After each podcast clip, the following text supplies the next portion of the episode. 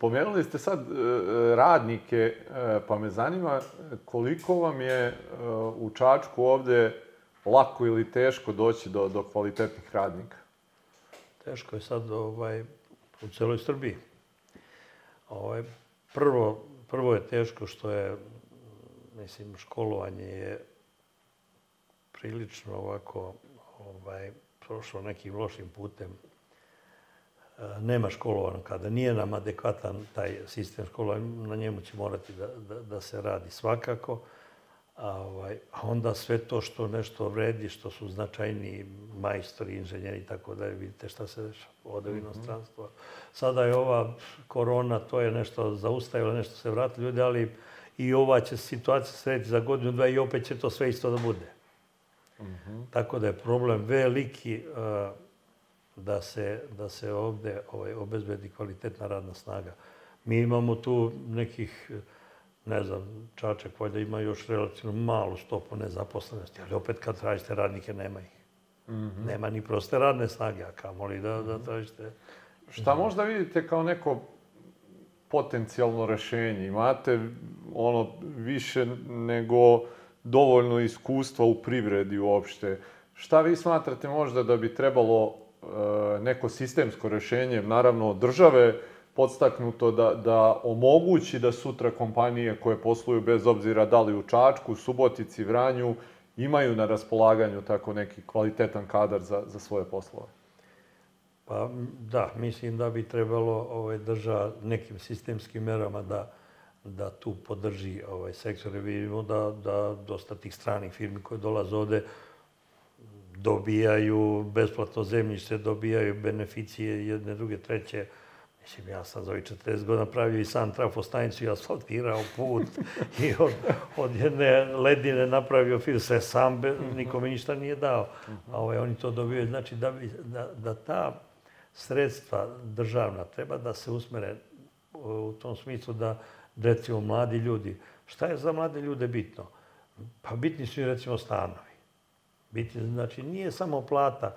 Plata, ajde, ljudi nekako žive, ali čovjek mlad kad Eh, kad dobije stan, postaje pravi čovjek. Ima adresu gde mu stižu pisma, jel, gde mu neko dolazi i tako dalje. Jako je bitno ti mladi ljudi da, da imaju stanove. Pa smo u tom smislu mi ovde u Čačku pokretali neku inicijativu i opet ćemo da je pokrenemo, da nešto slično kao što država sada radi za, za vojsku, za policiju i tako mhm. dalje, da se naprave stanovi gde će, gde će država da uloži neko zemljište, infrastrukturu, da se dobije jeftin stan koji mogu firme da uzmu namenski za stručnjake.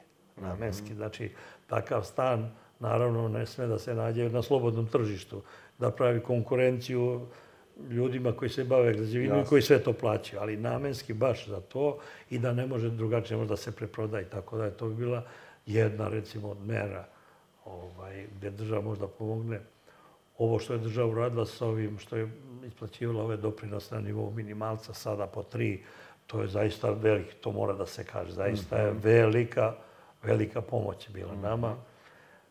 I mislim da nekako taj školski sistem treba da se treba da se unapredi. Dosta toga sad se improvizuje, dosta se napravilo tih fakulteta nekih ovaj, koji zaista školuju decu, dobijaju deca neke diplome koje ne znači ništa.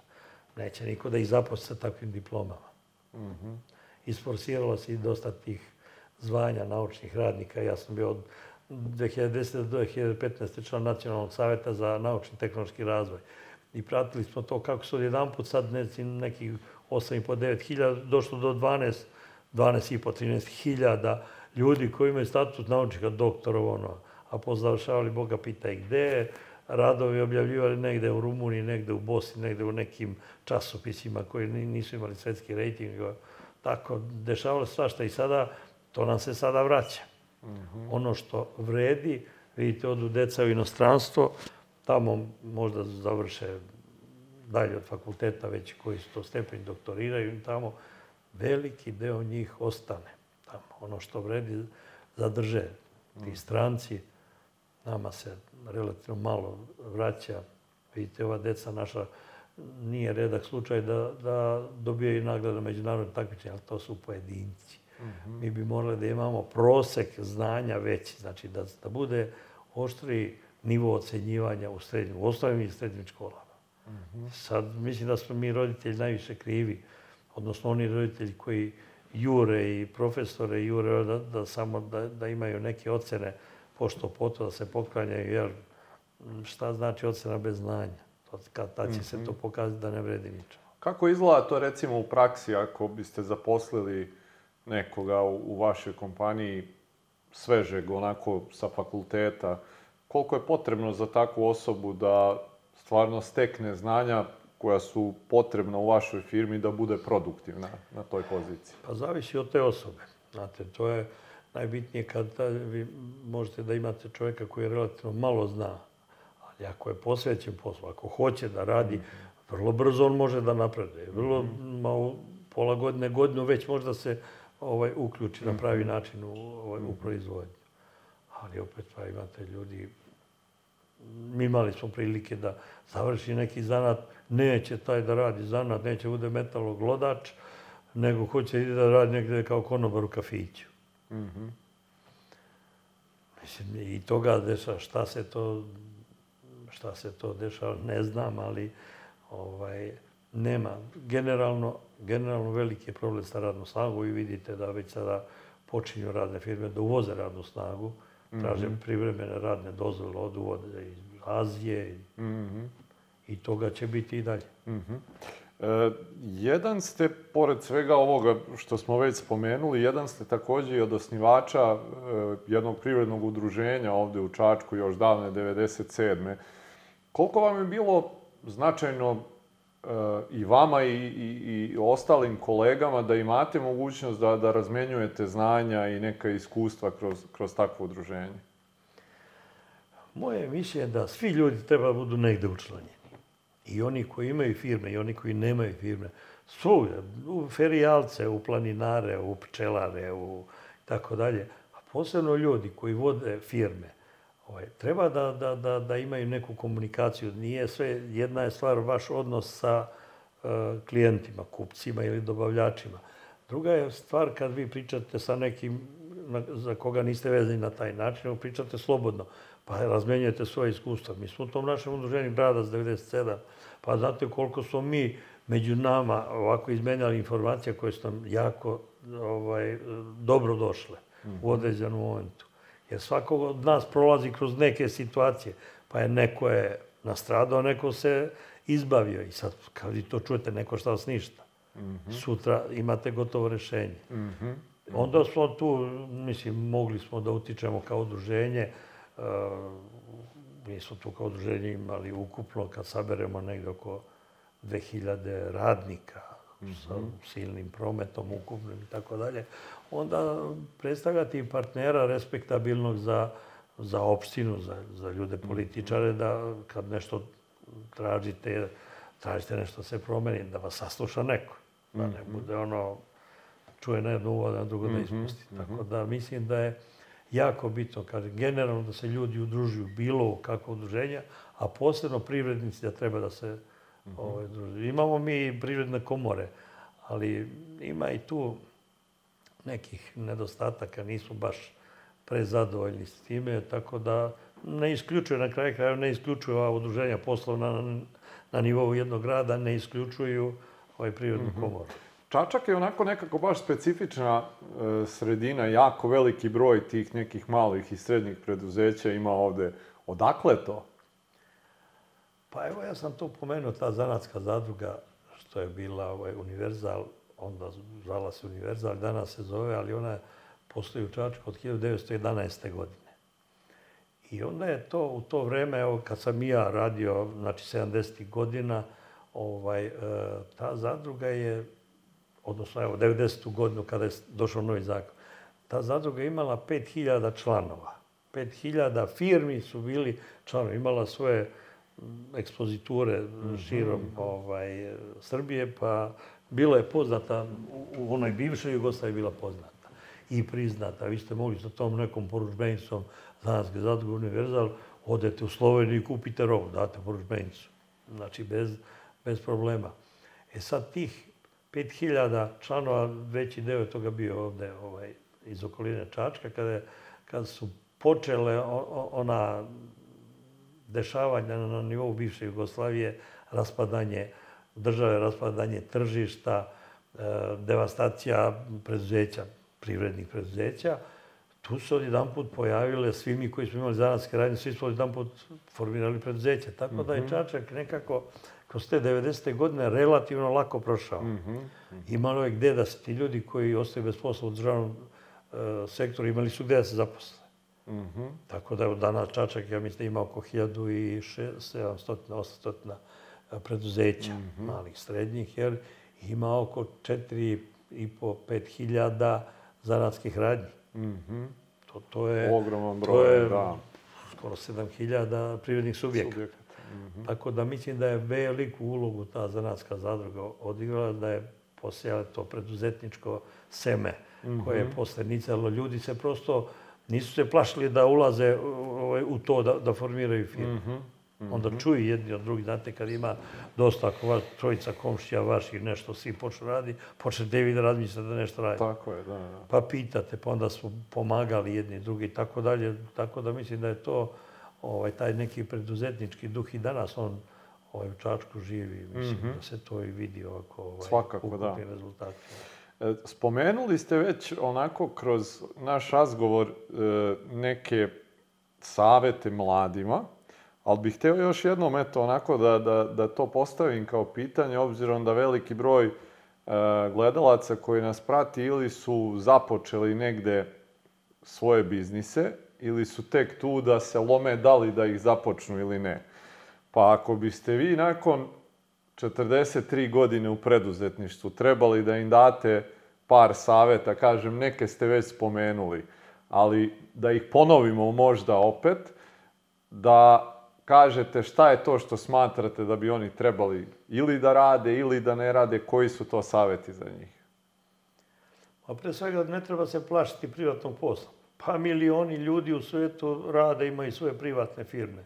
I nisu to uh, genijalci, sve su to ljudi obični, normalni, prosečno, inteligentni, prosečno vredni. Znači, ne treba se od toga plašiti. Na kraju, ovaj, dosta ljudi zazire te, ne znam, porez ovako. Pa nije, nije, mislim, ako se i ole normalno radi, nisu porezi veliki. Veliko je, veliki je porez ako ti nemaš posla, onda ti je veliki svaki Jasne. dinar. Znači, pre svega ne treba da zaziru privatan posao je privatan posao. Onda, ono što sam već rekao, treba da ulaze u taj posao sa, sa, ovaj, sa strpljenjem. Mm -hmm. Znači, treba raditi, naravno, i treba biti strpljiv. Doći će uspeh. Kata, treba raditi pošteno, ne lagati, ne varati, jer to je nešto što je kratkog daha. Može tako da se dođe do neke prevarite trojicu, petoricu, pa dođete do nekih para, ali to se čuje i sutra su vam zatvorena vrata. Znači, normalan jedan odnos kao i u životu ovaj, treba imati u poslu, raditi ga i uvek to napomenjem, sam to više puta kad smo izvali ovde da se malo obratim tim mlađim ljudima, uh mhm. -huh.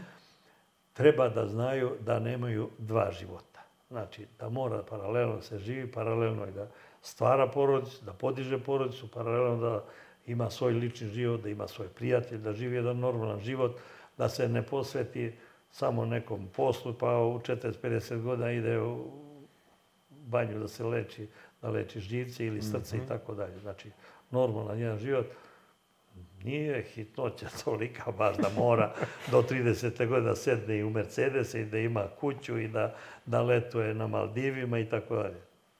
E, pitanje sa kojim završavamo sve naše razgovore, da imate priliku sa svim ovim što sad znate, da budete mentor tom Slobodanu možda iz 77. ili možda 90. godine Šta je to što bi dali sebi savete u tom nekom trenutku? Pa eto, pokušao bih ovo što i sad kažem, ja sam to, ovo što pričam, nestrpljivi, ja sam bio takav. I ja sam, ne, ne, nisam ni ja stalno imao 70 godina. Imao sam ja neka 26, 7, 8 godina. Pa, ovaj, pa sam i, isto tada pokazio nestrpljenje, koje se možda pre svega ogledalo u, tom, u tim nekim novim programima u koje smo uletali, možda ono nedovoljno istraženi, ali prosto obuzelo me to kao neka, neka nova stvar, buđeš tamo, pa tek posle vidiš, potroši neke pare i vreme, pa vidiš da si pogreši, ali to je odrastanje. To, to je, kaže, iskusan, to znači više puta si pogrešio, to znači iskusan. Da li bi poslušao taj slobodan savjet? Pa ne znam sad šta da kažem. Mislim, treba u svakom slučaju, uh, ti mladi ljudi, treba da im se to kaže. Pa ko hoće, hoće, jeli, uh, što kaže, pametan uči na tuđim iskustvima, oni drugi uče na svom. Ali ako mu niko nikad ne kaže, ovaj, pa naravno da će učiti na svom iskustvu. Slovane, hvala stvarno puno. Meni je evo ovih sati nešto vremena proletelo ovaj, u našem razgovoru. E, Hvala zaista na, na vremenu prvo odvojeno za nas da, da prenesete sve ono što je vama trebalo 40 i nešto godina da, da saznate, da iskusite na svojoj koži. Želim vam da i u narednom periodu budete ovako produktivni, inovativni kao što ste bili i dalje da sve te neke ideje koje su još uvek u vašoj glavi sprovedete u delo, da ovaj deo koji se tiče tranzicije unutar same kompanije protekne onako kako treba da protekne i da sva ova znanja i nastavite da delite ovako sa svima nama, pošto su definitivno dragocena. Pa evo, nema na čemu drago mi da ako, ako bude nekome ovo što sam ja sad ispričao pomoglo, ovaj, a, sad što se tiče mog budućeg nekog angažovanja, ovaj, to što ste rekli da je moja supruga ovde, ona me često kad ja počnem da pričam šta će se rekati, jer čoveče, koliko ti još misliš godina da živiš, znači. Tako da imam nekih planova vazdan i vezan i za firmu, a ako ne bude firma ova mogla stigne sve to ostari, ja pokušao na drugi način. ovaj, uglavnom, šta će čovjek ako navikne celog života da radi, ne može da ne radi. Šta bi radio ako ne radi? Možda da se i započne neka nova firma. Pa nije isključeno. Siguran sam da to nije isključeno kao opcija. Hvala još jednom puno, a drugi deo razgovora će svakako biti posvećen sa vašom čerkom, da čujemo eto malo i kako to sve izgledalo iz njene perspektive, pa ćemo nastaviti eto ovaj taj deo razgovora sa njom, a još jednom puno hvala na odvojenom vremenu i svemu. Molim, Prijatno. prijatno.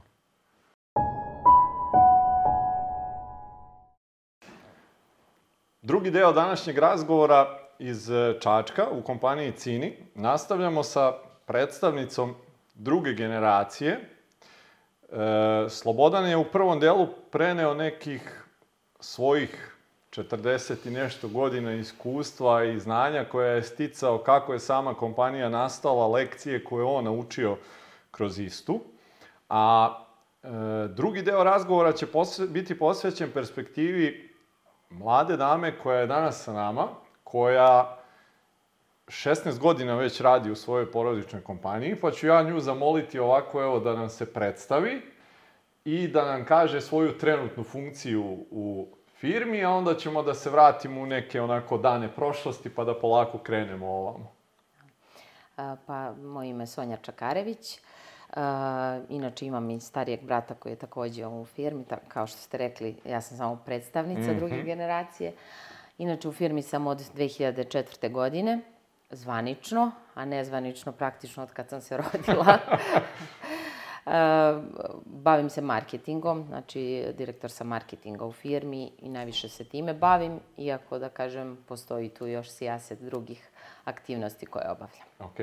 Evo sad si rekla u samom svom nekom predstavljanju da si ti nezvanično od kad znaš za sebe, jel tako, u firmi. Šta su neka prva sećanja uopšte koja imaš na firmu i na to da nešto otac i majka eto rade? Da. Pa, o, oni su po struci oboje tehnolozi, s tim, s tim što je e, majka bila zaposlena u jednoj državnoj firmi tu u Čačku kao tehnolog, a otac je od samih svojih početaka e, radio privatno, dakle imao svoju radionicu. I naravno uvek su, su sećanja vezana za to da je on jako puno radio, pogotovo u to vreme, jel, s- krajem 70-ih je bila još ta stara Jugoslavija, gde je on jako puno radio za dosta državnih firmi uslužne, uslužne stvari. On je već ovaj, pričao o tome kakve aktivnosti su sve bile, tako da je često bio odsutan ovaj, u, u tom nekom periodu. ali opet sa druge strane mislim da je u ključnim momentima bio prisutan ovaj, da onako usmeri i e, nas kako treba na, na neki naš put. Sećaš li se možda nekih eto prvih stvari koje si pomagala ocu u firmi? Da. Pa, e, sećam se, već to je možda bio, da kažem, kraj osnovne škole, početak srednje, kada smo mi mhm. već imali neke malo više, nekih malo više i marketinških aktivnosti, gde sam se ja ovaj, uključivala sa, sa tadašnjim ovaj, zaposlenima. Tako da su mi davali neke malo jednostavnije mm -hmm, zadatke dobro. ili nešto da se uključim da eto ja ovaj, odlučim nešto ili da im pomognem oko nečega. Tako da eto, to je bilo možda tih nekih 90. godina ovaj, kada pričamo vezano za marketing. Kad je došlo do toga da donosiš neku odluku o svom školovanju, e, je li bilo tu nekog, ajde da tako kažem, upliva same firme, šta firma radi, da utiče možda na neku odluku šta je to čime ćeš ti nastaviti dalje svoje školovanje? Pa negde kroz srednju školu sam ja imala već iskristalisano otprilike da bih želala da se bavim marketingom. S tim što sam uh, razmišljala koji je pravi fakultet za to. Tako da je tu bila u opciji i žurnalistika, i sociologija, mm -hmm. i ekonomija, tako, ovaj, razne neke stvari koje su u suštini sve vezane za marketing. Mm -hmm. Ovaj, nisam, nisam išla na tehničke nauke, iako sam završila gimnaziju prirodomatematički smer i brat i ja, ali eto, na kraju mm -hmm. smo otišli ovaj, na društvene nauke oboje. Uh, što je tati verovatno žao na neki način, zato što je on tehničko lice. Uh, ali opet sa druge strane smatram da to nije, da nije ovaj, jel, hendikep u ovom našem slučaju. I ovaj, tako da sam eto na neki način možda, možda jeste uticala u smislu što sam već u tim nekim e, momentima gde sam se razmišljala šta i kako volim, imala možda načina da, da vidim kako neke stvari funkcionišu, što drugi, jel, nisu. Mm -hmm. ovaj, tako da je to negde možda odredilo u tom smislu, ali što se tiče roditelja i, i ovaj, oca konkretno nije bilo, ne mogu da kažem da je bilo, mm -hmm. bilo nekih uh, pritisaka ili uticaja. Mm -hmm. Eto, prosto podržali su, podržali su oboje šta god da smo mi mhm. odlučili. Mm -hmm. e, ti si svoje školovanje e, nastavila i u Italiji. Tako je. Kako ti je bio taj period? Koliko ti je uopšte bilo možda i to neko samostaljivanje ovaj, izazovno ili ne odlazak u drugu zemlju. Da. Pa jako mi je bilo bitno i smatram da, ovaj, eto, ja se nadam da će i naše nove generacije imati priliku da bar tih nekih godinu dana odu na neku razmenu studenta, da će bar to biti taj mm -hmm. način da se malo osamostala i vide kako to ovaj, funkcioniše. A mislim da je ovako nekom ko je odrastao u nekim porodičnim firmama gde su imali neku zaleđinu, jel možda i, i i ovaj, ne samo finansijsku, nego da kažem i što se tiče nekih poznanstava i tako dalje, e, jako bitno da ta deca odu negde i da nešto sami ovaj, mhm. rade. Jel, znate kako je, vi, vi ste tamo sami, ne radi se o tome da li imate novca ili ne. To nije problem, nego prosto morate sve nešto da odradite mm -hmm, sami, pa mm -hmm. i odlazak, ne znam, da odradite nešto papirološki oko tadašnjih viza ili mm -hmm. nekih dokumenta, to nema niko da zovne telefonom i da kaže, e, doći će sad neko moj, tamo završimo, mm -hmm. nego prosto to morate da uradite sami. Mm -hmm. ovaj, tako da mislim da je to jako bitno, a možda pogotovo bitno za ovaj, žensku decu. Mm -hmm. U smislu da nekog samopouzdanja. Mm -hmm. ovaj, tako da taj period naravno je bio da kažem i lep kao i svaki, svaki studentski život, a pogotovo što se to dešavalo jel, u Italiji. Tako da ovaj, veoma, veoma dragoceno vreme. Pored Jest. onog akademskog dela, da Jas. da kažem, koji je svakako bitan. Jesi li u tom možda trenutku razmišljala ili možda već donela odluku šta ćeš raditi na, na, na kraju samih studija? A, pa iskreno nisam. Nisam, nisam tada znala da li ću se vraćati ovaj, u Srbiju ili ću ostajati tamo. Moja ideja bila da svakako nekoliko godina tamo radim. Mm -hmm. ovaj, po završetku fakulteta ja sam upisala i master studije u Milanu, isto iz marketinga i komunikacija. E, I negde sam želela zaista da, da u tom trenutku bar nekoliko godina ostanem i radim, pa prosto kako me ovaj, život bude na, naneo, da li da se vratim u Srbiju ili ne. E, to je malo bio specifičan, da kažem, period. E, još uvek nije bilo tako ovaj, slobodno da se ide bez viza i tako dalje. Tako da, ovaj, e, da kažem, sve ono što sam negde imala u ponudi vezano za, za poslove, to nije bilo meni zanimljivo, nije bilo dovoljno mm -hmm. interesantno. A s druge strane, m, smatrala sam neodgovornim da radim neki posao samo da bih ostala u Italiji, a ovamo u Srbiji imamo firmu jel, ko, u kojoj sigurno mogu nešto da pomognem. Mm -hmm. Tako da je negde moja odluka u nekom trenutku bila ipak da se vratim i da radim u firmi ili da radim opet u Srbiji nešto drugo. Mm -hmm. Kad si se vratila nazad ovde, e, šta su bile neke stvari koje si počela da radiš u firmi kad si se već ono zvanično zaposlila, da, da to tako da. kažemo? Pa eto, mi smo već, da kažem, imali uh, zaposlenog jednog koji je baš bio zaposlen u marketingu. Da, dakle, to nam je bilo već tada pos, posebno jedno odeljenje koje je naravno najviše radilo tada sa mojim ocem, ovaj, uh, ali u suštini bio čovek koji je samo to radio, znači nije neko iz prodaje ko se bavio mhm. marketingom, nego se bavio samo tim. Um, tako da sam ja negde se i priključila automatski tome. Naravno, bilo je potrebno da se prođe kroz sve procese u firmi, pogotovo što je proizvodnja u pitanju i da se, da se upoznam sa tim, ali da kažem, o, počela sam da radim u marketingu, ne kao direktor marketinga, nego kao referent a, u marketingu i eto, da kažem, tu sam, tu sam u, u tom odeljenju i danas. Šta su neke novine, da to tako kažem, ovaj, koje si ti pokušala da implementiraš kad si došla da. u firmu? Pa, upravo to, to neko sistematizovanje stvari, u smislu da malo više napišemo to na papir, da malo više mhm. planiramo, da, da možda pokušamo da dobijemo malo više nekih informacija sa tržišta, da se ne oslanjamo baš samo na neku intuiciju našu, nego da, da malo više o tome vodimo računa. Eto. Koliko je bilo to teško implementirati? Je otac e, e, bio otvoren za to ili je bilo malo otpora? Pa ne mogu da kažem da je bilo. Više je možda bilo otpora od strane drugih zaposlenih. Aha, prosto okay. za, jer nisu navikli da, da rade na takav način. I sad je ispalo da sad odjednom ja tražim nešto -hmm. Drugo, nešto možda eto, što ne treba, nešto što kako smo do sad radili bez toga i mhm. tako dalje.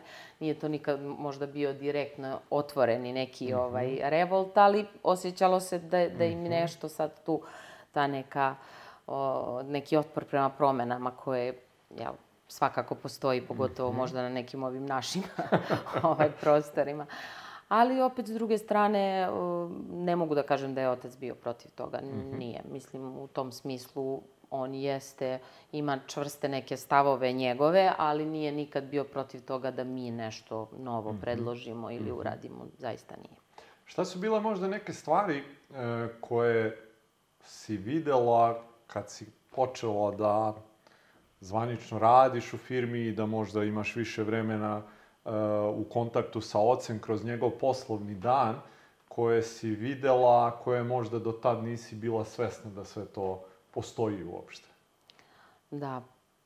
Pa možda da tu ovaj, pogotovo proizvodnja, da kažem, jako složen proces i da tu mhm. ima jako puno uh, rada i kontakata sa raznoraznim firmama i da si ti u suštini odgovoran za onaj rezultat, ali do tog rezultata ti je potrebno da se sve te neke kockice mm -hmm. poklope i sve te neke firme sa kojima sarađujete odrade svoj deo i naravno ovaj, zaposleni u firmi. -hmm. I ovaj, mislim taj možda neki rad sa ljudima da se to, da, da se sve složi na svoje mm -hmm. mesto, da na mhm. kraju rezultat bude taj koji, mm -hmm. koji, ovaj, sa kojim ćemo svi biti mm -hmm. zadovoljni to, to se ne vidi, da, mi, da. mi s polja vidimo samo ono što je lepo, a ono i iza toga je, ovaj, tako da u svakom slučaju ima tu jako puno rada. Mm -hmm.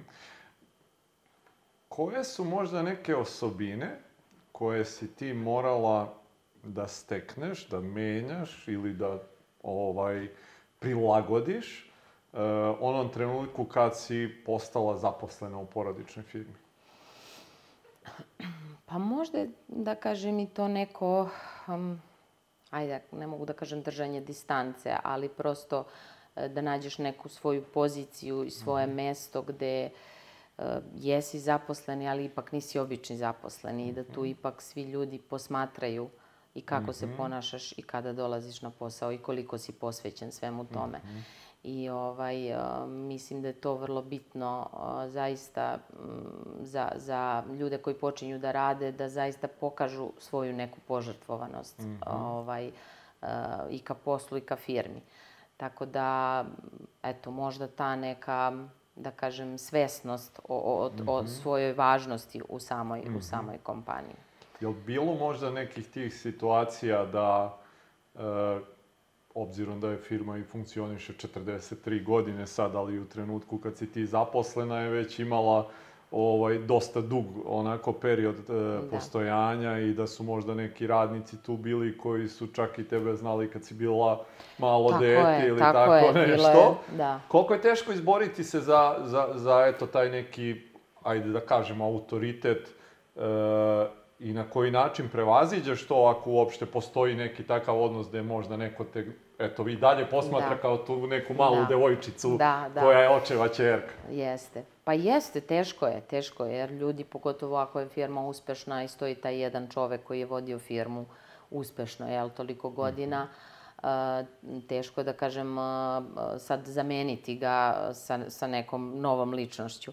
Ali opet sa druge strane smatram da svako od nas treba da pronađe neki svoj identitet i upravo to što sam rekla, da pokaže svoju neku požrtvovanost ovaj, u, u celoj priči, da e, se vidi da je on tu zato što želi, zato što želi da razvija tu firmu, zato što želi da se ljudi osjećaju tu dobro, da vole da rade tu, a ne sad zato što, samo zato što je sin ili čerka od vlasnika. E, kad pogledaš onako, e, ajde, neću sad da kažem e, samo i taj poslovni, nego možda i taj privatni neki život. Dosta ljudi e, vidi samo lepe i pozitivne stvari koje druga generacija dobije. To je možda eto ta neka finansijska sigurnost i te neke stvari. Šta su možda neke, evo sad smo spomenuli možda evo ovo što se tiče možda e, težeg e, dolaska do toga da te ljudi cene zbog tvog rada, ali šta su možda još neke druge strane, druge negativne strane koje e, nije baš tako možda lako vidjeti nekome sa strane toga što si druga generacija? Pa znate kako, mi smo u svakom slučaju odrastali ovaj, uz ovu firmu i sve ono što boli firmu na neki način boli i nas. Ja i sad kažem, s- s- sve nešto što imamo i sa nekim klijentima, mi to negde i, i lično ovaj, proživljavamo, što mislim da nije baš tako ako si samo negde zaposleni.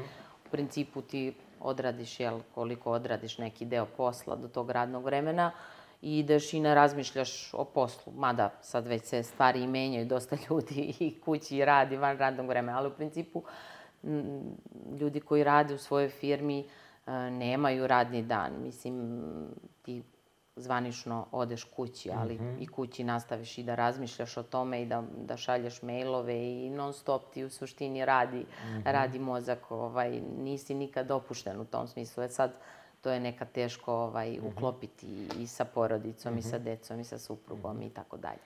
Koliko je teško, to sam i Slobodana pitao, e, skupiti se onako e, kao porodica i izostaviti posao iz tog nekog razgovora? Pa teško je, teško je. Mislim, evo sad razmišljam da li ikada bilo da nismo nešto bar pomenuli. ovaj, ali to je valjda sastavni deo. Prosto možda, možda i ne treba insistirati potpuno na tome da se o tome ne priča. Tako da ovaj, a, svakako je teško jer to je naš život sa kojim mi živimo svaki dan i naše porodice na kraju. Tako da. Jasno. E, dotakli smo se ja i Slobodan isto kroz razgovor tranziciji i svega toga što ona nosi. E, kad ste vi kao porodica e, osvestili to nešto što vas očekuje i počeli da razgovarate o tome koje su bile teme o kojima ste recimo razgovarali u tim trenucima? Pa sad ja ne znam tačno koja je godina bila, ali sigurno ima nekoliko godina i mogu da kažem zaista da je moj otac bio ovaj, možda i prvi, i brat i ja smo razmišljali o tome, ali nismo zvanično sa njim pričali, ali možda je on bio prvi da pokrene tu temu u smislu da šta, gde mi sebe vidimo, šta želimo da radimo, da li želimo da ostanemo tu i ako želimo, kako, u kom formatu, uh, ma, malo je nama i specifična situacija, jer brat nije u Čačku, dakle nije ovde u, u mhm. sedištu firme, živi u Beogradu. I onda, eto, i, i u, u skladu sa tim je trebalo, da kažem, praviti neke planove. E, tako da, eto, ima već, pa sigurno 3-4 godine, 5 možda, kako, kako smo počeli da negde diskutujemo na tu temu i da razmišljamo. Mm -hmm. S tim što je naravno to teško, pogotovo što je ovaj otac e, još uvek aktivan, jeli, radi, ima i, i tu energiju na kojoj se ja zaista divim svim mm -hmm. preduzetnicima, ne samo njemu. Ovaj, mislim da to druga generacija nema ili bar ima u mnogo manjem mhm. nekom obimu nego što, što imaju oni, ali dobro, i to je, da kažem, verovatno normalno. Ovaj, tako da, da je, da već neko vreme svakako, svakako se o tome razmišlja i pokušavamo negde da, da pronađemo šta je neki najbolji model ovaj, da, da se to jeli, izvrši mhm. taj, taj mm -hmm. transfer. E, jeste li ti i brat razgovarali možda o eventualnoj preraspodeli uloga u Pa jesmo, da kažem, razgovarali smo svi zajedno negde i ovaj, mi smo onako, da kažem, i kao ličnosti, iako smo oboje ovaj, negde u, u, u ekonomiji, u tom međunarodnom poslovanju, oboje smo to završili, ali smo kao ličnosti ovaj, drugačiji i hvala Bogu da je tako, jel? Mm -hmm. ovaj, ali mislim da se dobro dopunjujemo. I uh, negde smo i razmišljali šta bi ko otprilike trebalo da radi, ko je, ko je čemu vičniji, šta kome više leži. Tako da, eto, tu, tu u nekoj budućnosti ja sebe više vidim u svakom slučaju u nekim unutrašnjim stvarima, jel, da o sređivanju neke organizacije, samog sistema firme, HR-u, jer mi to negde ovako leži i, i po karakteru. S druge strane, on je više tip koji voli sa ljudima, voli taj komercijalni deo financije i to mu više i leži, tako da je to neka, neka podela otprilike uh mhm. -huh. ovaj, koja nam je u glavi. Eto, sad možda će biti opet promena, to ne znamo, ali u principu to je to. Reci mi, e, ako govorimo o odlukama, to sam pitao Slobodana, pa me zanima da čujem je li to i negde preneto na tebe ili ti imaš svoj stil neki? Kad treba da donosiš neke odluke, ja se oslanjaš više na emocije ili na razum, na brojke? E, iskreno, ja više na razum, mm -hmm. zato što nekako e, volim da sagledam situaciju onako u širem, u ovaj, nekom obimu, volim da izanaliziram, možda sam nekad malo sporija zbog toga, to priznajem, ali prosto volim da, da budem, ne možeš nikad biti siguran jel, u odluku i ne treba da budeš 100% mhm. siguran, ali, ali volim da vladam nekim podacima, informacijama, pa na osnovu svega toga mhm. da onda donesem neku odluku. Okay. S tim što naravno emocije uvek ima i more imati ovaj, mm -hmm. u poslu. Dobro. Kad e, pogledaš unazad ovih 16 godina koliko si već dugo u firmi, šta su veštine koje si ti morala da stekneš, rekla si, znači nisi došla na mesto direktora, nego si radila kao da. pripravnik u marketingu. Šta su veštine koje si godinama razvijala kod sebe da bi mogla danas da budeš na poziciji na kojoj jesi? Da. To su definitivno taj rad sa ljudima, onda um, razvijanje neke, nekog, neke sistematičnosti, dakle, organizacije, što opet, da kažem, možda i sama pozicija u marketingu zahtevala da, da, se, ovaj, da se sa tim um, suočiš i da to malo više razvijaš. Um, najviše možda rad sa ljudima, da kažem, jer mhm. kada dođ, dolaziš u poziciju da ti upravljaš nekim timom ljudi, onda mhm. malo jel mora više i na tome da mhm. se radi. Ovaj, nevezano od tvog nekog karaktera, mm -hmm. nego upravo te neke veštine, komunikacije i mm -hmm. Sad sam htio baš da te pitam, šta smatraš možda nekim uh, ključnim lekcijama koje si naučila što se tiče vođenja tima, komunikacije sa ljudima? Da. Pa mislim da je jako bitno da se bude otvoren, da se bude transparentan i da se jasno da do znanja ljudima šta se očekuje od njih, a sa druge strane da im se e, na neki način da su im vrata otvorena za svu moguću pomoć koju smatraju da, da, da treba da, da imaju na tom putu, da bi ostvarili te Ciljeve. E, tako da mislim da je mnogo bitna ta neka atmosfera, e, stvoriti tu neku i gajiti tu neku atmosferu da su svi slobodni, da zaista predlože, da pitaju, da traže pomoć ako je potrebno. Ovaj, eto, tako da, da to bih negde istakla kao, kao, mislim, ključne stvari. E, neka tvoja slika e, kompanije za neke naredne godine, neka vizija, možda tvoja, možda ste već zajednički kao porodica razgovarali oko toga šta je to što ti možda u ovom trenutku vidiš kako bi Cini trebalo da izgleda za recimo pet ili deset godina. Da. Znamo svi da je jako teško ovaj, procenjivati na neki duži period s obzirom na promene koje se zaista jako brzo dešavaju.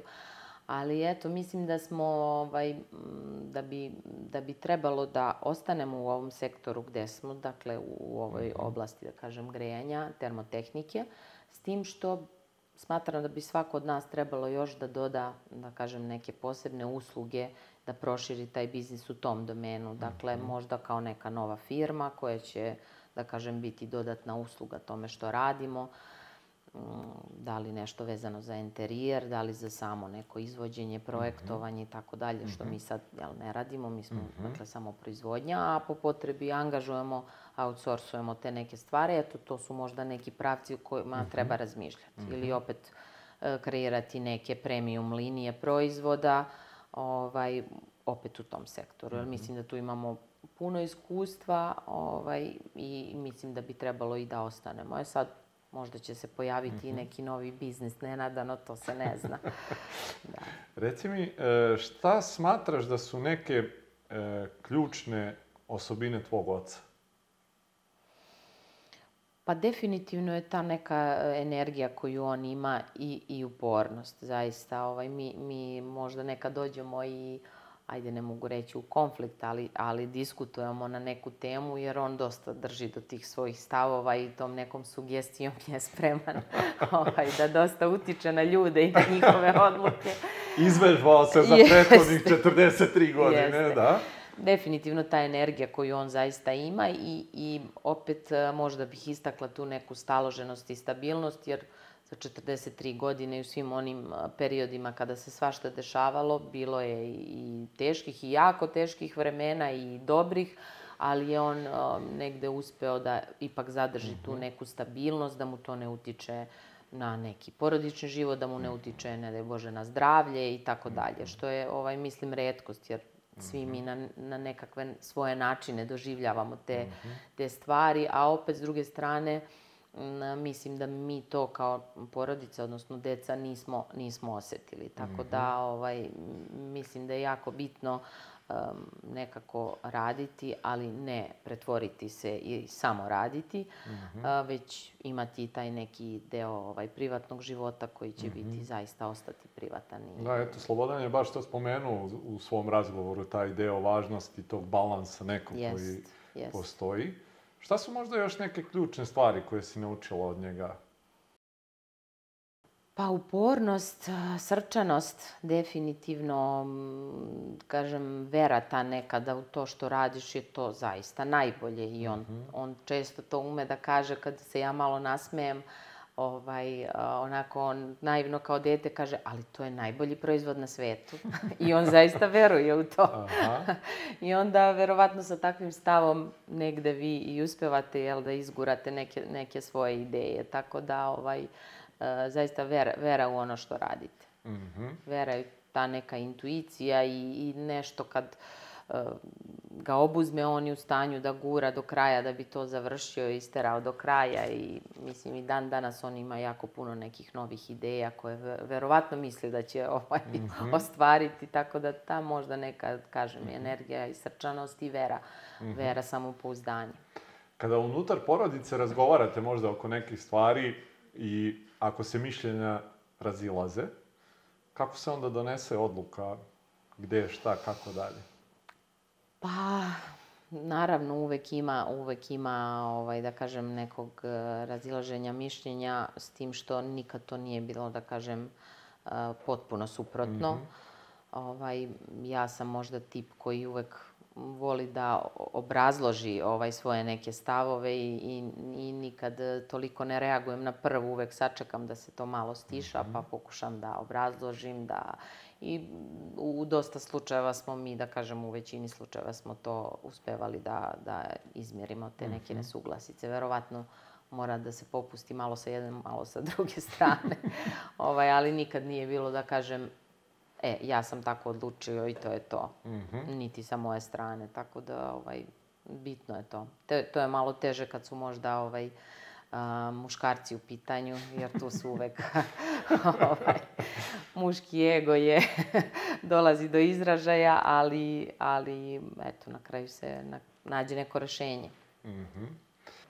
Reci mi, što se tiče tvojih saradnika, šta su neke uh, važne stvari koje i tražiš od njih i koje oni treba da imaju? Mm, pa, mi smo navikli uh, od starta naše klijente da zaista um, i potencijalne klijente da zaista se posvetimo svakom mogućem zahtevu.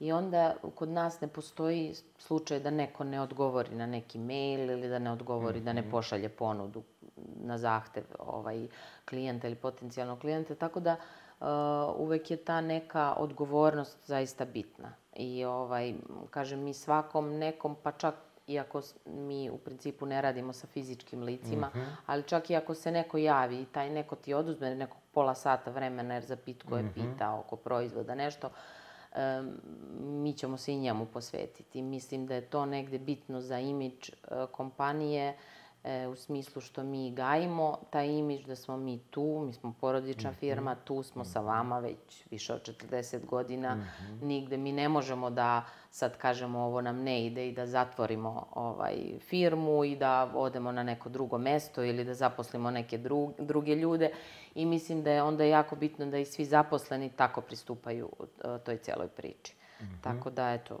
kažem, ovaj, pre svega neka odgovornost. Jel e, to negde e, onako krene od osnivača, u ovom slučaju od tvog oca, pa se onda nekako prenosi na, na sve u kompaniji?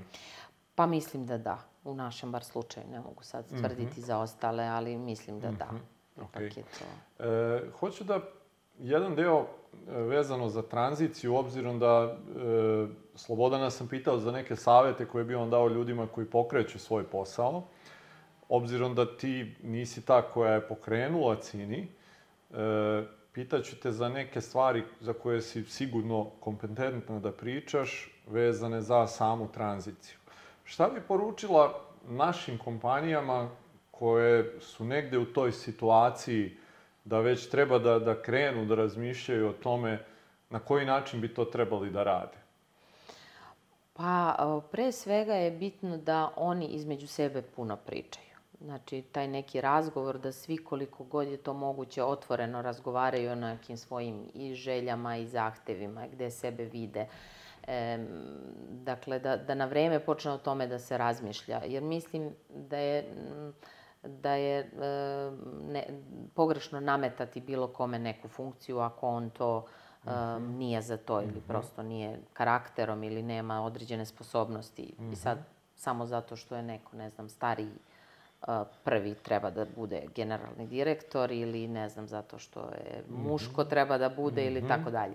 Dakle, pod broj jedan komunikacija unutar članova porodice, mm -hmm. odnosno onih koji su uključeni u biznis, pa i ne samo njih, nego da kažem mm -hmm. po mogućstvu i, i ovaj, svih ostalih koji mogu da utiču na to. Mm -hmm. Ovaj, tako da, u svakom slučaju prvo to, a drugo, naravno, potražiti, potražiti eksternu pomoć. Ovaj, jer, naravno, postoje ljudi koji se time bave, koji mogu puno da pomognu i um, super ako to neko može sam, ali iskreno ja sumnjam da neko mm -hmm. može mhm. sve to sam da uradi. Ima jako puno i konsultantskih firmi koji se time bave ili nekih individualnih, da kažem, mm -hmm. konsultanata koji, koji to rade. Tako da, eto, kažem, prvo razgovarati negde, u tim razgovorima zaključiti šta su, šta su neke želje, šta su ciljevi, a onda naravno mm -hmm. da bi se do, došlo do toga angažovati u svakom slučaju neku eksternu pomoć. Reci mi, rekla si sama da si morala dosta toga i da naučiš i da se menjaš i da si dosta toga i naučila što se tiče nekih tehničkih stvari, da bi razumela proizvode, iako ti to nije ono direktno tvoja struka. E, šta su neki još načini na, na koji e, se ti lično edu, edukuješ i, i stičeš nova znanja? Pa, naravno, sad postoje jako puno programa i obuka vezanih za, za samo upravljanje. Konkretno, ja sam završila evo, upravo dve godine Adižesovog leadership programa. Razmišljam o nekom novom masteru, MBA-u ili možda nešto iz financija. Ne zato što, što ja želim da se bavim financijama, nego da bih upravljala firmom. Smatram da treba da razumem i da znam bolje financije. Tako da, eto, to, to su neki vidovi. Naravno, ako obuke ovaj, pojedinačne koje svakako, svakako mhm. ovaj, treba da se praktikuju. E, tako da... Postoje li možda neke knjige koje su onako ostavile jak utisak na tebe, koje bi možda preporučila našim e, gledalcima da, da ih pročitaju, bez obzira da. da li imaju veze sa tranzicijom ili nečim drugim, ali koje su tebi onako bilo, bile jako značajne za, za, za neki razvoj? Da. Pa ima jako puno knjiga, da, zaista sad ovaj, možda neke i, i liče ovaj, na, na neke, sve jedne na druge, ali um, recimo um, ove knjige iz Adižesovog korpusa mhm. -huh. zaista sve su, sve su sjajne i evo, predlažem svima koji, koji se bave upravljanjem da, da to svakako pročitaju. Reci mi koliko e, postoji nekog mentorskog odnosa između e, tebe i brata sa ocem? danas? Koliko vremena na neki način provodite u toj nekoj razmeni iskustava koje je on sticao jako, jako dugo. Da, pa dobro, to je stalno, da kažem, svaki dan. Nekad, nekad mi je i žao što možda od, od nekog operativnog posla ne uspevamo da se posvetimo tim nekim stvarima, mhm. trebalo bi. Ali to je neka svakodnevna aktivnost koju možda mi nismo ni svesni, ne kažemo je sad tih pola sata ćemo mm -hmm. to raditi, nego prosto u nekom razgovoru normalnom mm -hmm. mi se bavimo time. Mm -hmm. Tako da ovaj, bitno je to naravno, jako je bitno. Ok. E, pitanje sa kojim završavamo sve naše razgovore, da ti sa svim ovim sad što znaš, imaš priliku da Sonji iz možda te neke 2004. kad je se tek zaposlila u porodičnu firmu, daš neke mentorske savete, šta bi oni bili? A, pa možda da a, nekoliko godina provedemo u nekoj drugoj firmi, koja mhm. možda iz istog sektora ili ne baš, ali po mogućstvu iz mhm. istog sektora, prosto možda neki veći sistem. Mm -hmm. Zapadna Evropa, negde gde je već nekakav sistem jel, mhm. uspostavljen davno, pre des, nekoliko desetina godina, mm -hmm. možda i stotina, uh, prosto kako bi, uh, jer već kako je otac imao ovo kao prvo zaposlenje, možda bi trebala druga generacija da ima nešto drugo kao prvo mm -hmm. zaposlenje, a onda naravno ukoliko želi da se priključi i porodičnoj mm -hmm. firmi. Eto, to možda. Jel bi poslušala Sonja tada? Nisam sigurna, ali evo, to je savjet za mlađe generacije. Okay. Sonja, hvala i tebi i hvala tvojoj vama. porodici i onoj koju imamo prilike da vidimo ispred kamere i onom delu koga nismo videli danas. Da. Želim vam stvarno vama. da e, nastavite ovim putem kojim, evo, 40 i nešto godina sama kompanija ide da uh, onako kako i neka vaša korporativna vrednost uvek nešto novo, jel tako? tako. I neke uh, bolje stvari i nova tržišta, E, novo predstavljanje Srbije u jednom lepom svetlu u, u eto i u Evropi i, i na nekim drugim kontinentima. Želim vam da kao porodica naravno i ovu tranziciju sprovedete na neki ovaj lep način, ispravan, zdrav i da dočekamo eto da da Cini sačeka i svojih bar 100 godina pa da možda ponovo dođemo u posetu. hvala, hvala, nadam se i ja. E, hvala i vama što ste ponovo bili sa nama i vidimo se ponovo sledeće nedelje. Prijatno!